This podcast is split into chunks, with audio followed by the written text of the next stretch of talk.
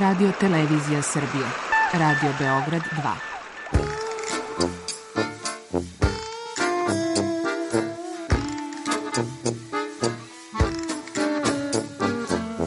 Rekli su mi, gospodine, vi ste promašili temu. Pa ja sam onda promašio život.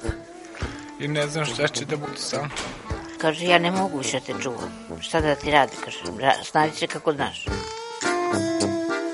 Mi smo kao u kafesu. Za nas to je najmrtvo. To je mrtvo za nas. Naročito. I ja bih želela neko da me usvoji. To bih želela. Govori da bih te video. Program dokumentarnog zvuka.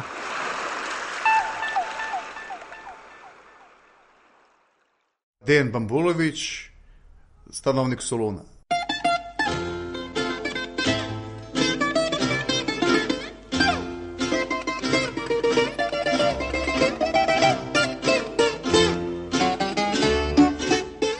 Ima već neke tri godine od kad smo mi odlučili da se preselimo u Solun. A, mislim na moju ženu i na mene. Ja ne znam koliko ti ljudi znaš da su otišli da žive u Grčku. A ja znam neke ljude koji su tipa želeli pa su se tamo udali, oženili, šta su već uradili, stupili u brak i možda je nekoliko ljudi otišlo tamo da kao nešto radi. Ali generalno to su te dve opcije. Niko nije rekao, e sad ja idem tamo pa ću sve ostalo da smišljam i da rešavam usput. Da, mi smo to radili.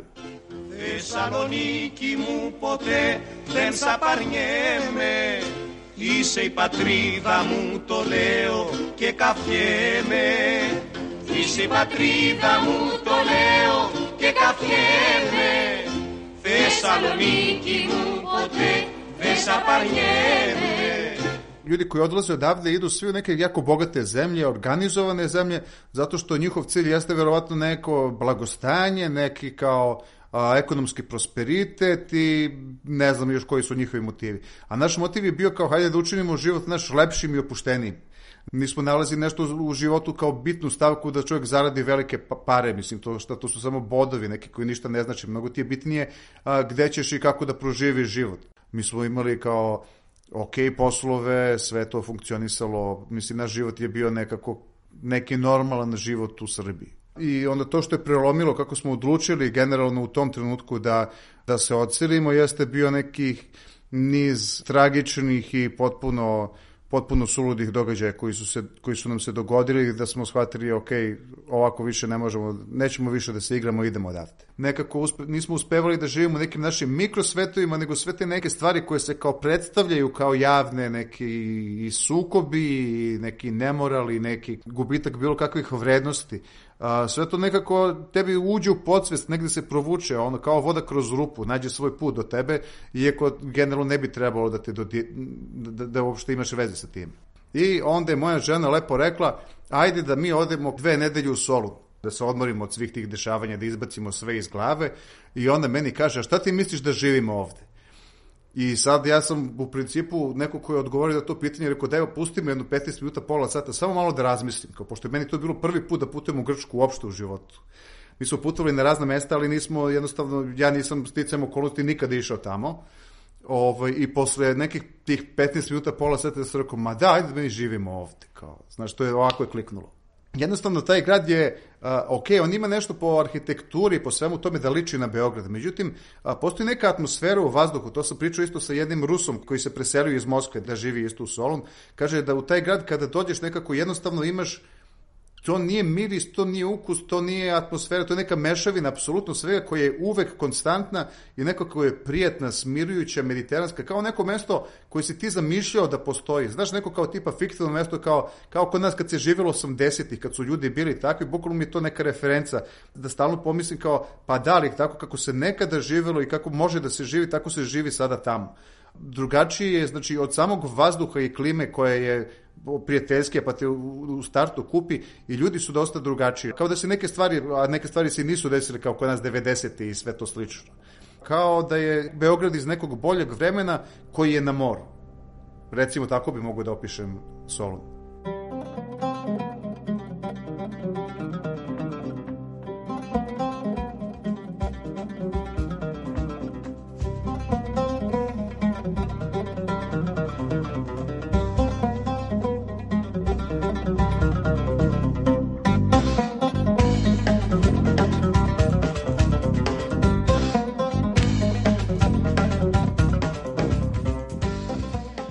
Postoje tačno ti neki tipovi ljudi koje privlači voda, to su oni koji su stalno negde na rekama, na jezerima, bukvalno ti leči dušu, kako recimo bukvalno mi se razlikuje život u Solunu i u Beogradu, što je život u Beogradu nekako pun i stresa i poroka i svega toga, ali to nekako ne rešava, nego odlaže probleme koji se samo nagomilavaju.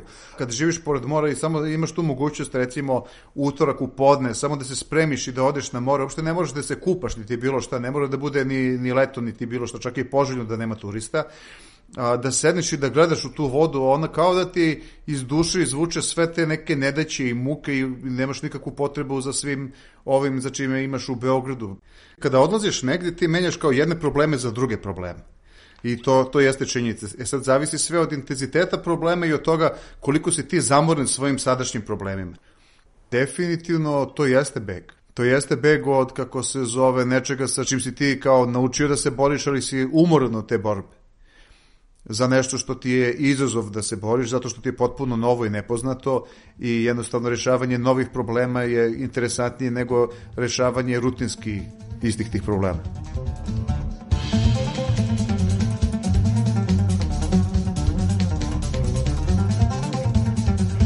kada dođeš u, ne, u neki grad da živiš, recimo kao što smo mi došli u Grčku, pogotovo u neki grad gde ti je jezik toliko stran, i čudan da ti si praktično kao da si se ponovo rodio. Buklo imaš osjećaj da si se ponovo rodio jer ti je sve nepoznato, ono kao dete si, ne razumeš šta ljudi pričaju oko tebe, ok, svi ti odgovore na engleskom, ali većinu vremenu pričaju na grčkom jeziku, tako da ti je sve ti je potpuno novo. Vidiš neke situacije, ti sve možeš da pretpostaviš šta se tu dešava, ali ti ništa ne znaš. Iako je neopterećujuće živjeti na mjestu gde, gde ti ne znaš jezik.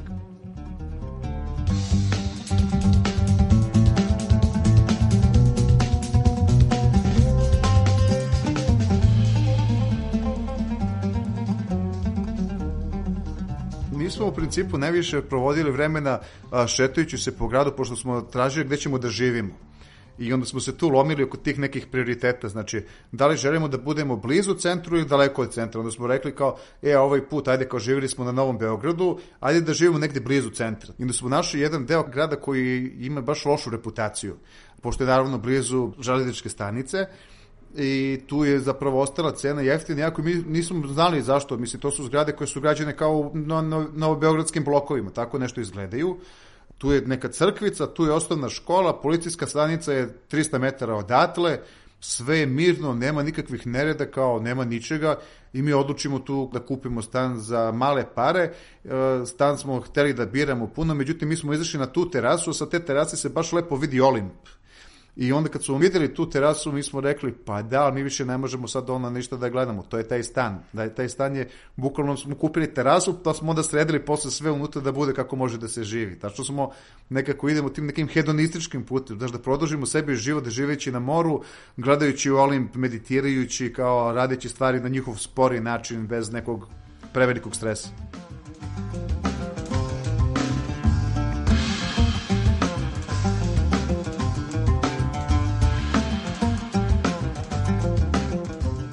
Posle toga što smo uspeli da, da nađemo nekretninu, naš plan jeste bio zapravo da napravimo firmu koja će biti neka vrsta veze između Grčke i Srbije, tako da smo se odlučili da se bavimo uvozom nekih proizvoda koji trenutno na grčkom tržištu ne postoja i nama samima nedostaju. Tako da su mi jednim potrebom, znači planiranjem da poslujemo između dve firme ostvarili opciju da znači i živimo u Grčkoj što se tiče dokumentacije i svega toga nekretnine smo kupili a, na osnovu našeg truda i sreće. Tako da to je bila opcija da praktično moja supruga postane tamo odgovorno lice i direktor da obavlja te tamo lokalne administrativne poslove, a da ja budem neko ko će ipak imati više veze i sa Beogradom poslovno, ali ću opet većinu vremena provoditi u Grčkoj. Sada taj ceo proces je, nažalost, dosta se odužio iz prostog razloga što njihova administracija je toliko zakukuljena i složena da je nama trebalo dve godine samo da rešimo sve osnovne stvari koje su neophodne za, za poslovanje firme. Koliko god tamo postoji ta neka toplina, do, dobrota ljudi, neki dobar stav prema generalno nama, koji činjenica postoji, toliko je to južnjačka administracija koja je verovatno svuda na jugu, znači i kumovi u Španiji su imali isti problem i tipa i na Floridi ljudi imaju problem. To je nekako drugačiji je duh tamo gde je toplo. I to mora da se zna, to jednostavno je takva situacija. Ja kada odem tamo i kada nešto odlučim, dođem iz Beograda recimo i nešto, neke bitne stvari odlučim da uradim i prođem i 7 dana, ne uradim apsolutno ništa od svega toga što sam krenuo, negde mi fali papir, neko mi nešto otkazao, nešto se nije, i posle 7 dana dođem u situaciju da sam onako strašno besan i, i revoltiran kao pravi onaj, razumiješ, stanovnik Beograda. Ja tad kažem sebi, stani, Nisi ti došao ovde da budeš Beograđanin, nego da budeš Solunac. Tada pustimo, nađem neku stanicu, onako neki najljući grčki narodnjaci, i sipnem sebi onu čašicu cipura sa ledom i kažem stani, polako, kuda juriš? Sve se završava, samo polako. I onda, kako se zove, kada upadnem u taj mod, strpljenje, da se sve radi po ceo dan, da se popije kafica, da sve traje, to je nekako, onda dođeš do tog nekog momenta kako se tu živi i da se prilagodiš tome kako se tu živi. Jako je to čudno, recimo, prosta stvar je kad god nešto prevodim, recimo na Google Translate-u, ako ukucam na srpskom ili na engleskom jeziku, a, ono što mi izađe na grčkom je otprilike nešto od 150 do, do 200% duži tekst a što objašnjava donekle kada se dvoje Grka nađu, a, ja sam išao slučajno da kupim neki nož za staklo koji mi je trebalo da sečem staklo i poveo sam svog prijatelja Grka da mi pomogne u tome i mi smo odmah našli taj neki nožić za staklo, a ovaj mi je rekao, ok, tačno, tu ti je dijamantski deo, ovako se seče.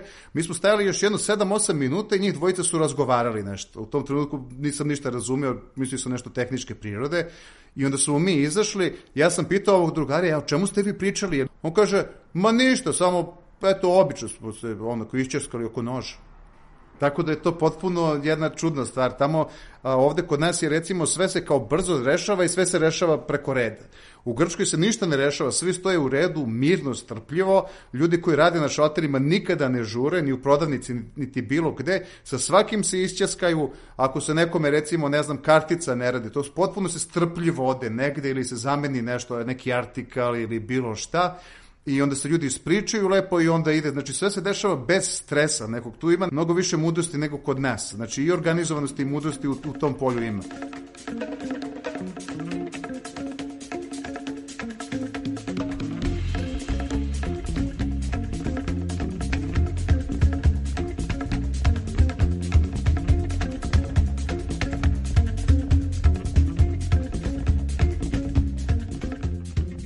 Prodali sve što imamo u Beogradu, mi smo apsolutno prodali sve što imamo i sad postoji ta varijanta, znači da, da ima neki plan B i onda svako pomisli kao pa plan B da se vratim, a nekako nama to nije u fokusu, nama je više u fokusu ako sve ode do đavola, ima da se spremimo i da odemo neko treće mesto gde nekako možemo da preživimo. Znaš, kad jednom digneš sidru, nekako je potpuno poražavajuće. Mislim, mislim da ne bi ni preživjeli to da se, da se vratiš, a da nisi ostvario nešto u svojoj želji da promeniš svoj život drastično. Ja sam to nekako ono kao komunistička partija, znaš, mi smo to doneli rezoluciju, to je sad tako, to je tu i to sad mora da uspe. Znači tu nema nazad, tu nema pogrešno, znači to je tako, sad samo moramo da nađemo način kako da rešimo stvari. I bilo je to pitanje e, kako ljudi kad odu negde onda razmišljaju koliko ti treba vremena da stekneš državljanstvo i šta taj test podrazumeva koji ti moraš da položiš da bi postao državljanin neke države. Test je pismenog tipa i moraš da ga pišeš rukom. Tu se dešava da grčki jezik, moderni grčki jezik koji ti treba da pišeš, se piše isto kao i starogrčki. Znači, oni su menjali način govora i verovatno i u značenju bilo promene, ali se piše znači kao što se nekada pisalo, tako da recimo ako neko kaže i, ti imaš jedno 6, 7, 8 načina da napišeš i.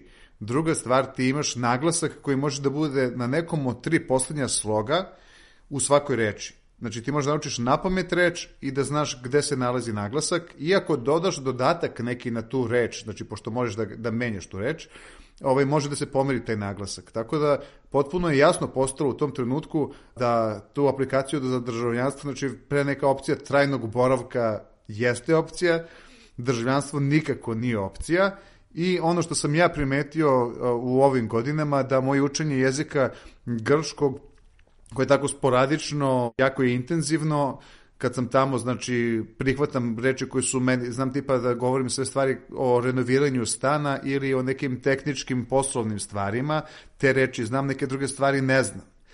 Tu se dešava situacija da ja shvatam da moja žena i ja počinjemo da pričamo stvari i ona meni kaže, e, pita jednog frajera tamo na pumpi, frajera. Ko je rekao frajera u 21. veku? To je tipa govorili s 80-ih tako.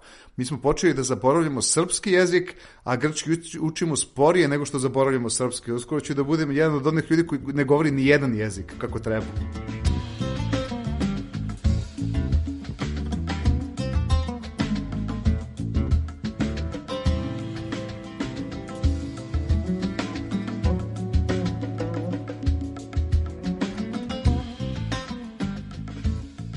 Ja sam imao neke momente onako koji te potpuno oduvaju. Recimo, u nekom trenutku mi smo našli sad neki lokal koji nam je bio neophodan za firmu i on je naravno bio neki bivši butik, onako potpuno nešto nesređeno i onda sam ja kao stao ispred tog butika pa gledao šta, pa kao ok, to je sad to će sad biti naš lokal i onda su prolazile dve komšinice tu pored i kao onda im je taj čovjek koji je stajao tu komšije isto objasnio ko sam ja i šta je u pitanju i onda su one rekli kao, e pa lepo, dobrodošao, jo što ti je prljavo ovo, kao, hoćeš mi da dođemo da ti to operemo, nemoj da imaš ovako kao prljavo, hoćeš da ti pomognemo nešto. I onda sam došao i rekao, vidi kakva eksplozija ljudskosti, to te bukvalno ono do sutradan sediš i razmišljaš kao, Pa mislim, ovo se zapravo svuda dešava, ali znaš, kad dođeš negde i to ti se desi, osetiš ono stvarno da je nešto posebno ima u tom gradu. Ujutro, kad pijem kafu na toj terasi, ide čovjek na posao i to tipa mislim da je džubretarac ili tako nešto i čovjek peva od sreće. Ljudi hode ulicom i pevaju od sreće. Mislim, to je, to je, to je neko stanje duha a to stanje duha se prenosi, iako su oni nekada su i kevtavi ljuti, baš jedan moj Janis, drugar koji ima 100 godina otprilike, mi je rekao kao, ali ja nikad nisam vidio dvojicu Grka da su se potukli. Znaš, to imaš ono na protestima i na utakmicama, inače nisu ni nasirni ljudi, niti bilo šta i čak i imaju agresivan stav, oni posle toga kao samo se uključuju tvoj problem i svako hoće da ti pomogne. Jako je u principu jako sam oduševljen svim tim ljudima. Ne znam da li smo mi nekada bili takvi ili sam ja mislio da smo mi takvi, ali oni jesu sada sigurno. Tamo nekako kao da su ljudi ostali analogni. Oni koriste i dan danas plakate za koncerte, iako tipa imaš sve na netu ti možeš da pošalješ Grku mail, ti možeš da se čuješ s tim telefonom i uopšte ne znam kako to, mislim, to ni kod nas ne funkcioniše savršeno, kamo li tamo. Ako želiš nešto suštinski bitno da uradiš, to jednostavno ti ne možeš da završiš ispunjavanjem neke aplikacije, nego moraš da imaš lični kontakt sa nekim. Ti jednostavno možeš da sedneš sa nekim, da razgovaraš, da on vidi ko si ti, da ti vidiš ko je on, pa ako se dopadnete, onda rešite sve probleme, ako ne, onda to naravno završi sa nekim ručkom besmislenim, ali sve nekako završi ok, tako da je starinski se tamo živi. Verovatno i u Atini drugačije, ali ne znam, nisam živao tamo. Oni nisu prošli, što smo mi prošli 45. tipa do 89. Tako da kod njih crkva i dalje igra jako veliku ulogu i čak ljudi koji su deklarisani recimo komunisti i dalje kao nemaju ništa protiv toga, da ono žive u porodicama koje imaju kao neke tradicionalne stavove, tako da dosta su ima tradicionalizma tamo u velikoj meri, iako je Solun kao metropola, ali, ali i dalje se tipa te neke vrednosti kao da se nisu promenili, kao da se to nije mrdnulo. Mislim da kod njih novotarije generalno ne prolaze toliko baš zato zbog te neke veze sa tradicijom. I da iz tog razloga, znači, se prihvataju tipa stvari sporije, Sada, da li je to dobro ili loše, to je sad neka ono tema o kojoj možemo da razmišljamo i da polemišemo, ali postoje situacije da ljudi ne kažu kao, e, kao videli smo ovo na televiziji, sad ćemo to kao model ponašanja da prihvatimo. Razgovarao sam sa jednim prijateljem Grkom koji voli tako da filo, filozofira svemu tome koji je ve, isto takođe veliki, često su levičari krci. Kod njih je ono, 70% ljudi su levičari ili su podeljeni na 12 levičarskih partija, tako da uglavnom tipa Siriza je bila ono nelevičarske partije koji kada vladala Grčkom jer su razjedinjeni. I onda smo pričali o tome tipa reality, tipa onda a, moderne vrste muzike koje nekako postaje sve besmislenije u poslednjih, ne znam, 30-40 godina svake nova vrsta muzike nekako kao korak nazad intelektualno, ne, ne muzički, tehnički, to jeste ok kao, ali a, nije to u toj meri toliko zastupljeno.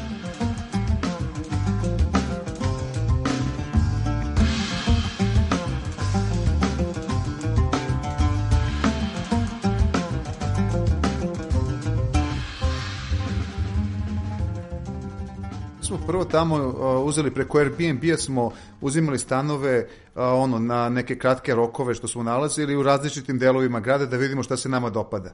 Uh, jednom smo uzeli tamo što je jako interesantno, u Solunu se nalazi rodna kuća Kemal Paše Ataturka, tvorca a, moderne turske države i ona je muzej što mnogi Turci obilaze i gde su redovno policijski policijski kamion je parkiran ispred zbog bezbednosti i svega toga, što je nama ono, ko, meni je recimo bilo interesantno, jer kada je bila razmena stanovništva i veliki rat između Grčke i Turske, koja je bila od mladog Turaka, gde je i sam Kemal Paša bio, a, proteran je i pobijen toliki broj Grka, da je ono kao tipa kao da ima u Sarajevu, ono ne znam, Ratko Mladić kuću kao gde, gde će da dolaze Srbi da obilaze, što meni bilo jako čudno i mi smo kao izlazili da prošetamo i sećam se, to je bilo možda drugo, treće veče, da je tu bio neki protest i da je neko bacio suzavac.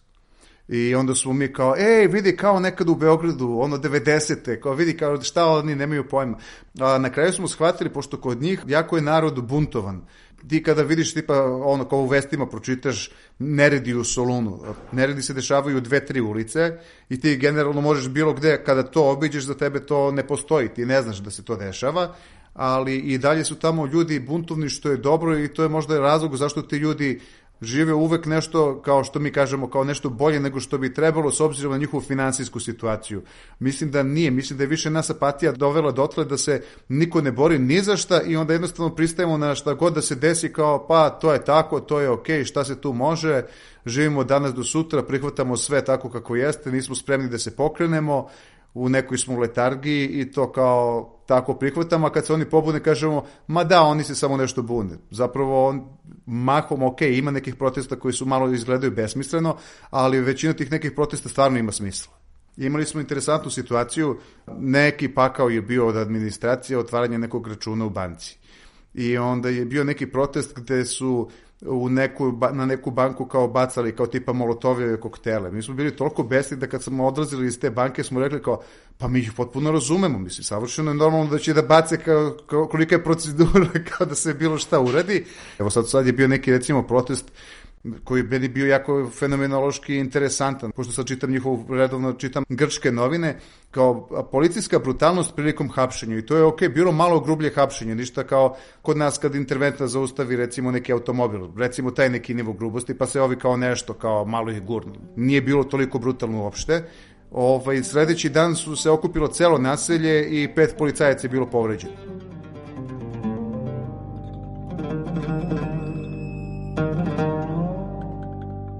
Velika prednost kada živiš negdje drugde, jer a, ako živiš u zemlji u kojoj si sad ti kao domaći, ti nekako osjećaš odgovornost i kada vidiš što ima recimo i ovde i tamo, recimo neka gomila đubreta negde bačena ili nešto što izgleda krajnje onako kao da si ne znam, u nekim ono, zemljama trećeg sveta, ti pomisliš nekako, osjetiš svoju odgovornost. Kada vidiš negde drugde, a, nekako isto imaš želju kao daj da rešimo taj problem, ali razmišljaš kao, e, ali čekaj, kao nekako distanciran si od svega toga. Znaš, kad ti se desi neki bum, tras, nebitno neka sramota velika ili nešto što se isto svuda dešava, ti to ne, ne, ne prihvataš lično.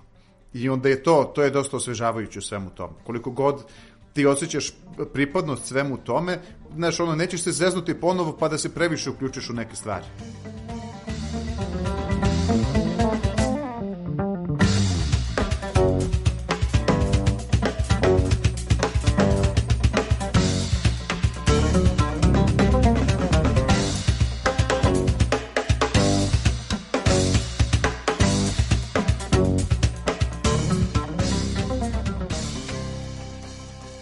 Trenutku je bila ta situacija da smo Uh, moja žena i ja došli smo u Beograd i morali smo iz nekog razloga još nešto duže, ne ona standardna kao tri meseca što, što mora da se uredi, nego duže da ostanemo i jednom trenutku mi smo kao slavili novu godinu i onda smo pili to neko grčko pićence i uživali nekim plodovima što su neki drugari sa Krita doneli, neki naši drugari iz Atine koji su ono baš carevi koji beže iz Atine na Krit da bi tamo imali, ne znam, maslinjak i da bi pravili rakiju i sve ostalo.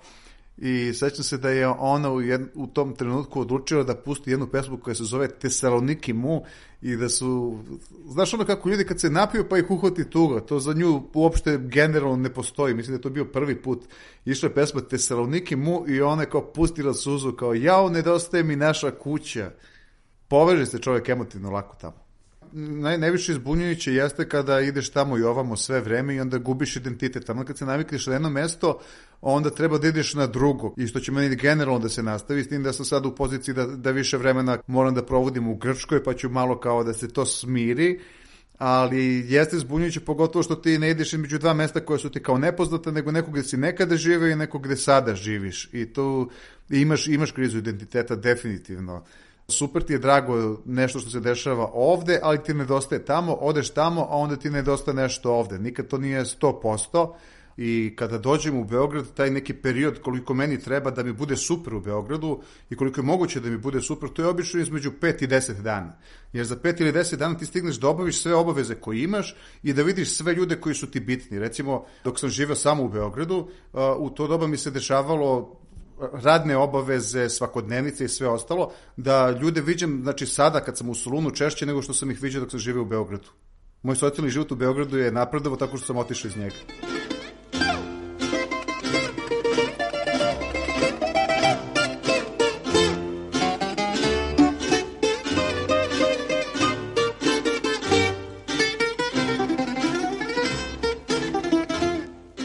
Pa mislim čovjek nikad ne zna ono kako će da ti izgleda život.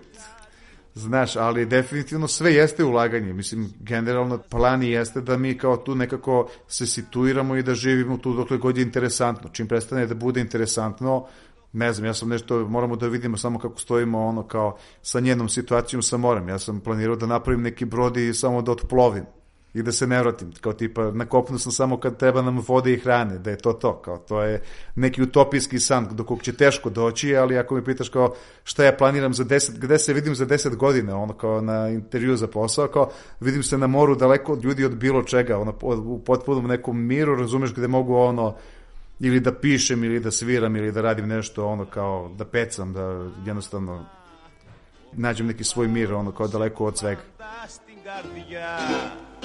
Θεσσαλονίκη μου ποτέ δεν σαπαρνιέμαι Είσαι η πατρίδα μου το λέω και καφιέμαι. Είσαι η πατρίδα μου το λέω και καφιέμαι. Θεσσαλονίκη μου ποτέ δεν σαπαρνιέμαι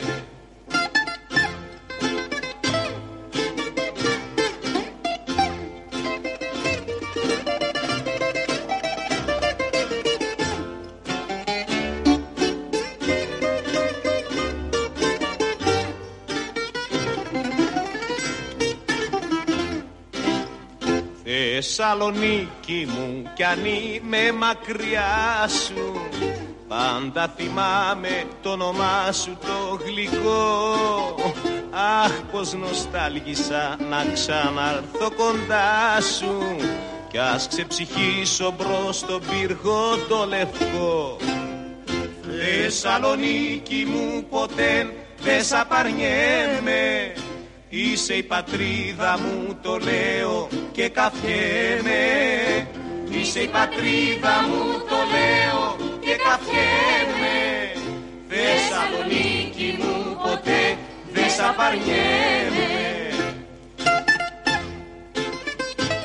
U reportaži govorio Dejan Bambulović, autor Milana Radić.